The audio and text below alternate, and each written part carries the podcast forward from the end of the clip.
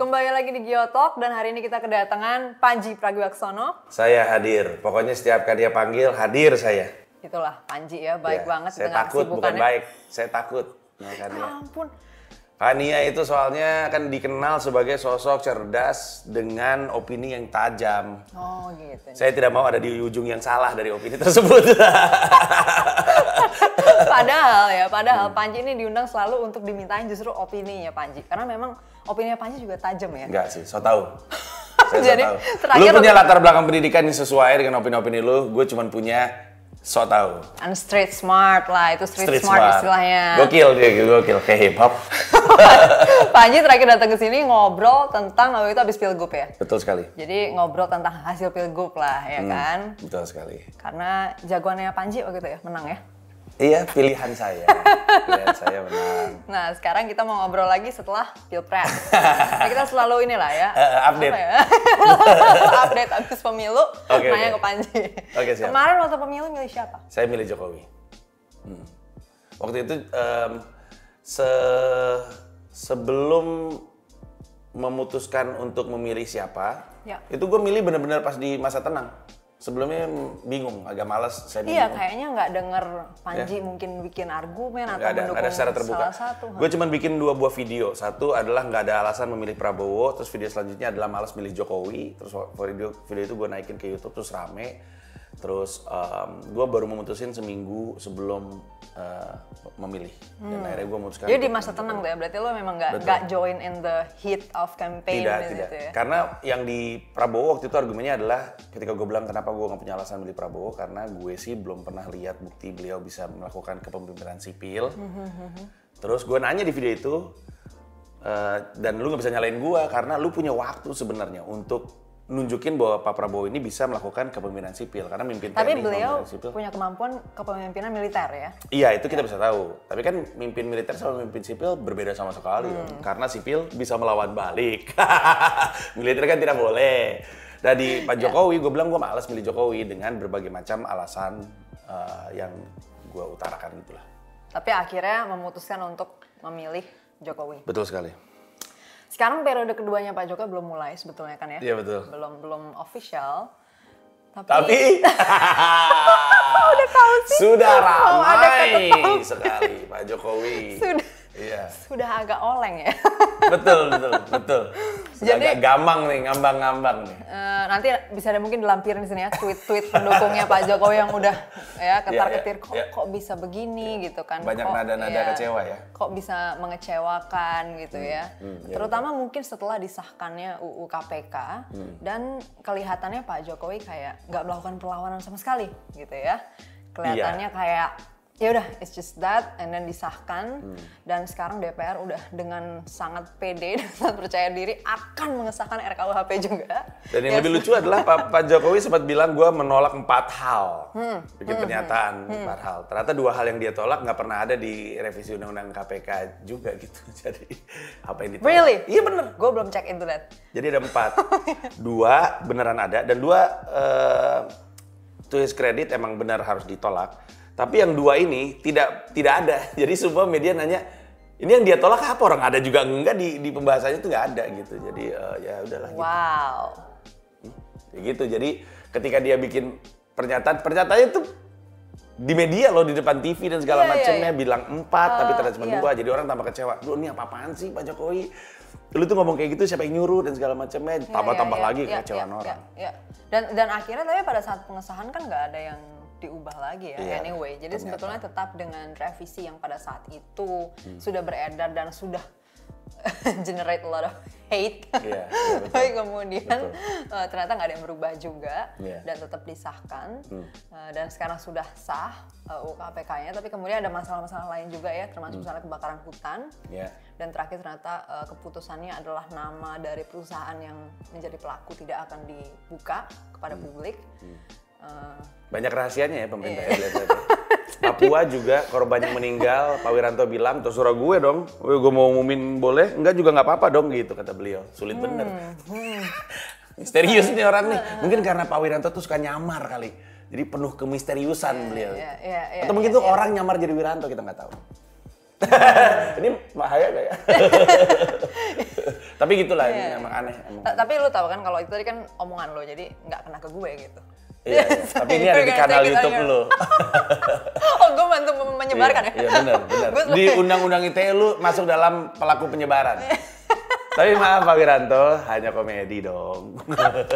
Oke, Ji. So, Ah. sebagai pemilih Jokowi, melihat ya keolengan menuju periode dua ini Sebel- belum mulai tapi udah udah banyak Hmm. eh, tadi ya hal-hal yang bermasalah dan mengkhawatirkan. Hmm. Gimana lo melihat ini? Gue tuh sering banget ditanya di sosmed. Ditanya, bang nyesel nggak milih Jokowi? Terus dalam kepala gue orang yang milih itu, eh orang yang ngomong gitu, nyesel kalau milih Jokowi. Nyesel kan lo milih Jokowi itu hanya dua jenis orang. Dulunya milih Prabowo, atau kemungkinan besar dia ikutan pemilu cuma sekali. Karena kapan pernah ada presiden yang nggak mengecewakan lo? Dalam hidup lo kapan? Kapan? Kalau lo pernah ikutan pilpres atau milih siapa pun, gubernur, wali kota, eh, anggota legislatif, kapan lu pernah milih seseorang yang nggak mengecewakan lu? Politisi mengecewakan kita adalah default setting menjadi politisi. Jadi orang yang bilang kecewakan lu, gua kan selalu nanya emang emang kapan lu pernah milih orang nggak kecewa? Pasti pernah kecewa gitu. Jadi em, dan yang milih Prabowo juga sebenarnya nggak punya hak untuk bilang lu kan salah kan lu milih Jokowi, gue dong Prabowo. Nggak bisa kayak gitu karena Pak Jokowi udah bilang Prabowo akan masuk ke pemerintahan. Jadi lu salah juga dong. Jadi sebenarnya sebenarnya gua dan di, di sisi lain gua nggak pernah nggak pernah menyesal in general orangnya. Dan gue sih gue tahu ini jalan ke arah yang salah tapi gue sih nggak gitu parno ya maksudnya kecewa iya tapi ya nyesel sih enggak parno juga enggak Tapi gini, kalau soal KPK misalnya, eh, di dalam revisinya Hmm. akan ada Dewan Pengawas ya kan? Dewan Pengawas ini akan dipilih oleh Pak Jokowi, Hmm. oleh Presiden. Jujur, lo lebih percaya Jokowi yang milih atau DPR? enggak dua-duanya Enggak dua-duanya. ya kan kemarin nama pimpinan KPK juga lewat Pak Jokowi ngaco juga Jadi kalau ada Dewan Pengawas, lo merasa harus siapa yang milih berarti? Harus siapa yang mengat? Atau nggak perlu ada Dewan Pengawas untuk KPK? gue terus terang nggak ngerti kenapa ada Dewan Pengawas Eh, Checks and balances ya, as usual. Maksudnya harus ada yang, I don't know, dia bertanggung jawab ke siapa gitu kan? bukannya dia sebenarnya bertanggung jawab langsung ke presiden ya KPK itu Eh, ke sebenarnya ada ada hak bertanya juga oleh DPR sebetulnya ya. Jadi tapi maksudnya di sini kan memang secara khusus gitu kan untuk untuk menjadi lembaga pertanggungjawaban untuk KPK kayak gitu. Ya. Tapi memang agak agak aneh juga sih yang ngangkat Iya, dia iya. juga yang mengawasi dia juga gitu. ya. bahkan teknis pemilihannya kurang lebih mirip juga kayak cara memilih milih Iya. pemimpin KPK Iya, makanya. kayak copy paste tepatnya metodenya tuh kayak copy paste gitu jadi em, dan kan abis itu kan karena ada barisan baru ini jadi ada lagi yang rakyat mesti awasi. Kemarin kan rakyat juga mengawasi proses pe- pemilihan pimpinan KPK dari 30 ke 20, 20 ke 10, 10 ke 5 kan rakyat ikut. Rakyat kan ikut gonggongin, rakyat juga ikut bilang. KPK juga bilang, eh ini bermasalah. bermasalah. nih, ini ya, untuk yang nggak tahu, eh, Ada kayak gitu. ketuanya KPK ini pernah kena masalah karena ketemu sama saksi korupsi, berolahraga sama-sama, orangnya jadi ketua kan kan jadi masalah kan. Nah kalau misalkan yang kayak gitu aja kemudian terus kita nggak bisa berharap banyak sama presiden kita dengan asumsi kita lebih percaya presiden daripada DPR, ya terus apa bedanya sama dewan pengawas? Nanti malah jadi dua layer tuh orang-orang tidak bisa dipercayanya gitu. Ini wartawan aja udah gosip Eh, lo nggak mau ke kantor KPK? KPK, maksud lo kepolisian cabang Kuningan? Ini sih polisi semua. Tapi gini, gini, gini. Pimpinannya udah dipilih sama presiden kan Iya. berarti ya. Dan dan say misalnya uh KPK nggak ada, berarti kita tetap tetap seperti KPK dahulu kala Hmm. berjalan dengan apa adanya. Tapi kan anyway orang yang memimpin sudah dipilih juga kan oleh Hmm, betul. presiden yang mana udah bermasalah anyway. betul betul. Dan orang ter- terlalu em, ngasih keringanan kepada Pak Jokowi atas pernyataan-pernyataan sebelumnya bahwa Jokowi segala macam. Tapi kenyataannya adalah pimpinannya juga masih nama-nama yang kita nggak nggak pada bisa- suka dan gitu. nggak bisa dipercaya ya, Loh, orang KPK-nya, KPK-nya, KPK-nya nggak suka nama-nama itu. Imagine telling your ultimate boss that you don't like this person, habis itu orangnya datang ke kantor juga pada akhirnya ketemu sama lu. Ya lu gimana coba? Lu pasti aneh. Tapi perlu diingat KPK emang selalu dari dulu sampai sekarang memang selalu politis, memang selalu penuh dengan misteri gitu. Selalu ada orang yang ditanam, selalu ada kecurigaan bahwa ada mole atau ada tikus karena datang dari lembaga tertentu. Iya Iya. betul. Tapi kalau misalkan ada di jabatan-jabatan uh, strategis ditambah dengan pelemahan uh, dalam bentuk revisi undang-undang Iya. KPK, ya khawatir lah kita semua gitu.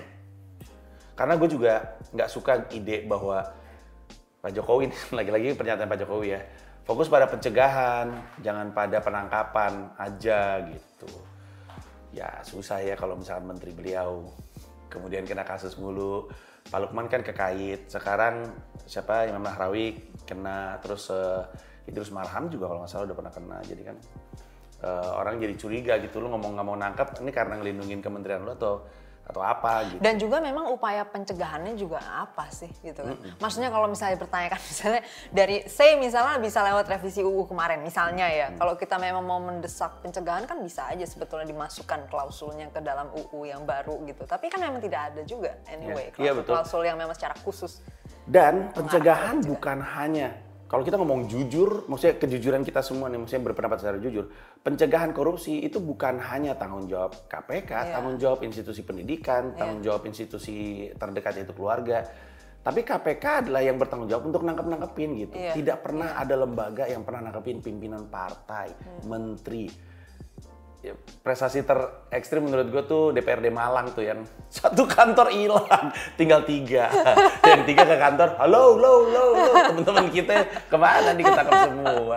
Ya, jadi, ya. jadi itu kan bukan hanya pertanda bahwa memang betul ada korupsi di antara kita, tapi pertanda bahwa korupsi sedang dihajar, hajarin. Hmm. Ada yang kerja gitu, dan itu penting menurut gue. Udah gitu, penyidik yang diserang nggak dilindungi. Penyidiknya kan bukan cuma Mas Novel yang diserang. Penyidik-penyidik lain tuh ditabrak penyidik-penyidik lain rumahnya dibakar, pimpinan KPK rumahnya dibakar. Apakah pernah ada uh, ujung dari semua itu nggak ada, nggak ya, ada. Betul. Mas Novel matanya udah hilang di sebelah sini, masih dijuluki Taliban, ngeri sekali KPK dijuluki Taliban ngeri ngeri dan dan itu kayak uh, apa ya losing the focus aja sih kalau bahas itu ya, maksudnya ya kalau mau bahas itu boleh lah di tempat lain emang maksudnya emang isu yang ini tuh kayaknya. emang kayaknya mau di mau disamarin gitu bahwa pembicaraan kita terhadap hal-hal um, yang argumentatif hmm. kemudian ditutup dengan udah lalu nggak usah ngomongin soal itu. Mereka tuh Taliban tahu? Jadi kan kita jadi nggak bisa. Ini ini lagi ada pembahasan ditutup pakai sesuatu yang lain ya. Ya gimana dong? Kenapa nggak kita bahas di sini? Lu uh, insecure sama kebenaran yang ada di sini sehingga mesti ditutup pakai tudung Taliban kan mengecewakan sebenarnya. Dengan segala kondisi ini, Ji, lo ada dugaan nggak bahwa di belakang ini mungkin Pak Jokowi, presiden yang lo pilih itu punya suatu strategi politik something yang sedang dia rencanakan yang masih memperjuangkan kepentingan pemilihnya. Poinnya gini, poinnya gini. Ini agak panjang kan ya, tapi gue mencoba untuk menyampaikan perspektifnya datangnya dari mana. Hmm. Uh, jawaban singkatnya gini, jawaban singkatnya adalah iya gue percaya Pak Jokowi ada strategi-strategi, tapi bukan strategi-strategi yang kita harapkan. Strateginya lebih kepada Jokowi nih main deh di sini, yang ini jangan lu tekatik. Ya udah gue main di sini strategi yang dia punya. Maksudnya siapa yang ngomong Jokowi main di sini dan lain-lain? Banyak sekali. Ingat bahwa dulu kita selalu menggambar-gemborkan atau masyarakat selalu menggambar-gemborkan bahwa lihat ada presiden yang bukan pimpinan partai itu membuktikan bahwa siapa pun bisa jadi presiden di era sekarang. Itu kenyataannya adalah lihat presiden kita bukan pimpinan partai maka pimpinan partai akan selalu punya suara atas presiden kita. Dan itu terjadi dengan Pak Mahfud MD, dan bergantinya dengan Kiai Ma'ruf hmm. dan lain-lain. Gue kasih lihat itu karena yang paling bisa lo lihat aja. Uh, bukti bahwa Pak Jokowi akan selalu ngikut apa yang kata pimpinan partainya. Uh, Ibu Megawati bahkan secara terbuka bilang, Mo, aku mau menteri tujuh. Makanya Pak Jokowi bikin kementerian-kementerian aneh nih, lihat nih. Bentar lagi ada kementerian-kementerian baru yang gue nggak tahu perlu atau enggak. Mungkin untuk nutupin kebutuhan kuota yang uh, ibu ibunya bilang, terus uh, sambil punya ruang lagi untuk bawa menteri-menterinya sendiri. Poin gue adalah beliau akan selalu mengecewakan di beberapa area ini dan tapi akan tetap punya strategi untuk jalanin area ini. Nah, kenapa gue bilang seperti ini? Karena waktu itu gue pernah bikin show stand up namanya Septic Tank 100% politik. Di situ gue bilang, lu punya dua pilihan Prabowo sama Jokowi. Pak Prabowo nggak bisa dikasih tahu, orangnya saklek. A ya A, B ya B. Disuruh senyum foto aja nggak mau beliau. Di satu sisi kita bilang beliau nggak adaptif, di sisi lain beliau punya pendirian. Ya. Sementara Pak Jokowi naik sepeda hayu, pura-pura naik motor hayu, disuruh main basket hayu, futsal hayu, disuruh freestyle hayu gitu. Di satu sisi senang punya presiden yang adaptif dan mau terima, Iya. tapi agak sedih juga kalau punya presiden yang selalu mau disuruh-suruh di saat sekitarnya kita tahu ada bapak-bapak, ada ibu-ibu yang kita tahu. Nah makanya lu punya pilihan itu, terserah. Nah akhirnya ternyata Indonesia kebanyakan memilih yang ini, ya konsekuensinya adalah lu punya presiden yang emang adaptif, menerima perubahan, selalu nyoba hal baru, tapi juga bisa diminta-minta dan diarahkan sama pihak lain. Udah itu konsekuensinya. Kalau misalnya lo berekspektasi atau mungkin juga pemilih Pak Jokowi, ada em, harapan bahwa Pak Jokowi bisa melakukan perlawanan terhadap kekuatan-kekuatan politik yang sudah bercokol lama di negeri ini. Eh, apakah ada yang bisa menjadi aliansi untuk Pak Jokowi alone, misalnya untuk berdiri melawan raksasa-raksasa politik yang sudah mengarahkan politik negeri ini selama sekian dekade? Nah ini ini peluang kita nih.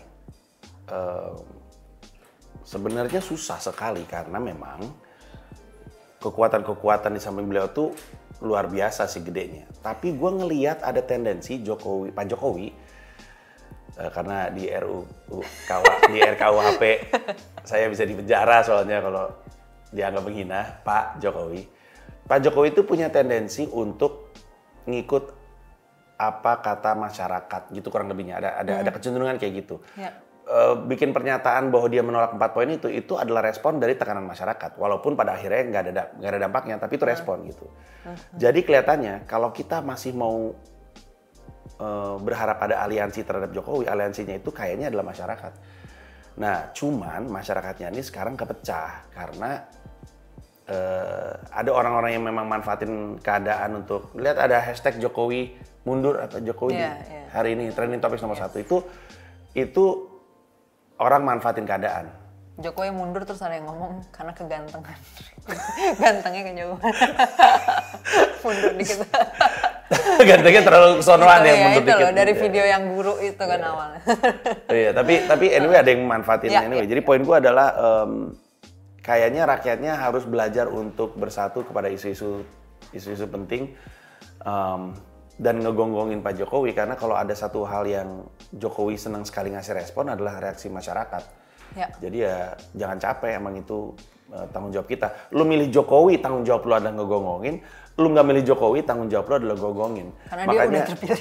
Iya benar. Dia udah duduk di sana sebagai presiden kita semua. lu golput pun kalau golput lu adalah, adalah alasan ideologis misalnya lu golput karena lu bilang dua-duanya brengsek menurut gua. Artinya kan lu milih karena peduli. Nah kalau lu peduli ya lu harus bersuara. Makanya siapa pun yang lu pilih menang atau enggak yang lu pilih milih ataupun enggak tanggung jawab kita sama. Jadi apa yang lu permasalahin? Kenapa harus ngomong kecewa kan lu milih Jokowi? Untung gua golput untung gua milih Prabowo. Apa-apaan gitu?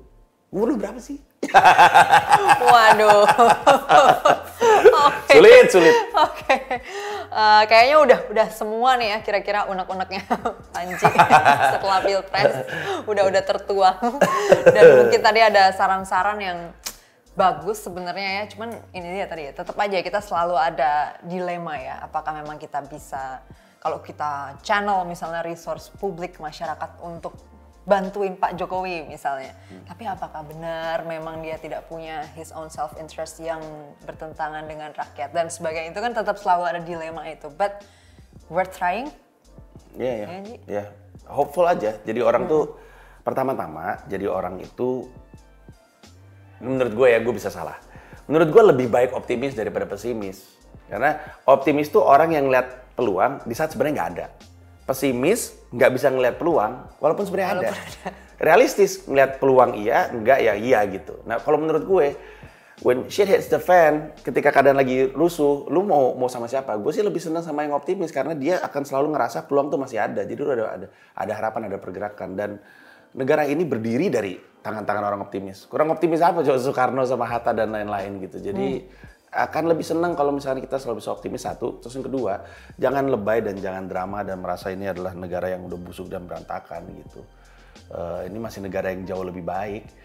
Em, dan di saat negara lagi otoriter-otoriternya, yaitu zamannya Pak Harto, lahir seniman dan budayawan brilian. Iwan Fals lahir, lahir di Soeharto, kata Tato Takwa, W.S. Rendra, Kus Plus di penjara tau nggak kenapa? Karena musiknya ke barat-baratan. Lu pikir sekarang udah kayak gitu? Kalau sekarang kayak gitu, hilang itu semua rapper di Indonesia itu. Iwake tidak ada, ya kan? Neo tidak ada, Young Lex tidak ada. Walaupun kalau Young Lex di penjara banyak yang seneng juga ya. Tapi poin gue adalah ini bukan era yang kayak dulu. Jadi berhenti berpikir dunia itu udah berakhir gitu. Belum ya, masih Belum. ada, masih ada harapan, masih, Masih ada peluang yang juga. bisa diperjuangkan. Jadi eh, Itu lucu jangan. juga harusnya jadi job gue tuh. Ya nanti lu pakai istilah. Ntar gua pakai. Dicatat. Kayaknya hari ini udah ada yang bikin petisi ya dari Mbak Tunggal untuk RKUHP. Mungkin kita bisa desak, siapa tahu Pak Jokowi bisa intervensi. Iya. Mungkin kita kita bisa menjadi aliansi Pak Jokowi kalau memang seluruh oligarki politik tidak ada yang berdiri bersama beliau. So let's let's Hmm. Ya, publik yang berdiri bersama Iya, iya. beliau. Orang suka tanya sebenarnya ngaruh nggak sih kayak gini-gini? Ngaruh untuk naikin awareness, ngaruh sekali, ngaruh sekali untuk naikin awareness. Itu nggak punya kekuatan politik si si petisi itu, Iya. cuman petisi ini cuma pengen bilang ini segini banyak gitu. Tapi bahwa dia tersebar itu nolong, nolong ngebantu nyebarin ini, Iya. nolong kok. Oke, thank you Panji. Waktunya. Makasih Thank banyak. you banget. Salim biar sopan. aduh, aduh, jangan dong. Megawati. Iya. aduh. Jadi ngomongin Bu Mega. Enggak Bu, enggak Bu. Saya ini doang. Maksudnya, aduh maksudnya kok. Nggak ada maksudnya ibu masih ada dalam hati dan pikiran kami, makanya disebut namanya. Iya dong. Oke. Komen tentang apa yang Anda pikirkan terkait dialog hari ini. Tetap optimis. SDM unggul, Indonesia maju.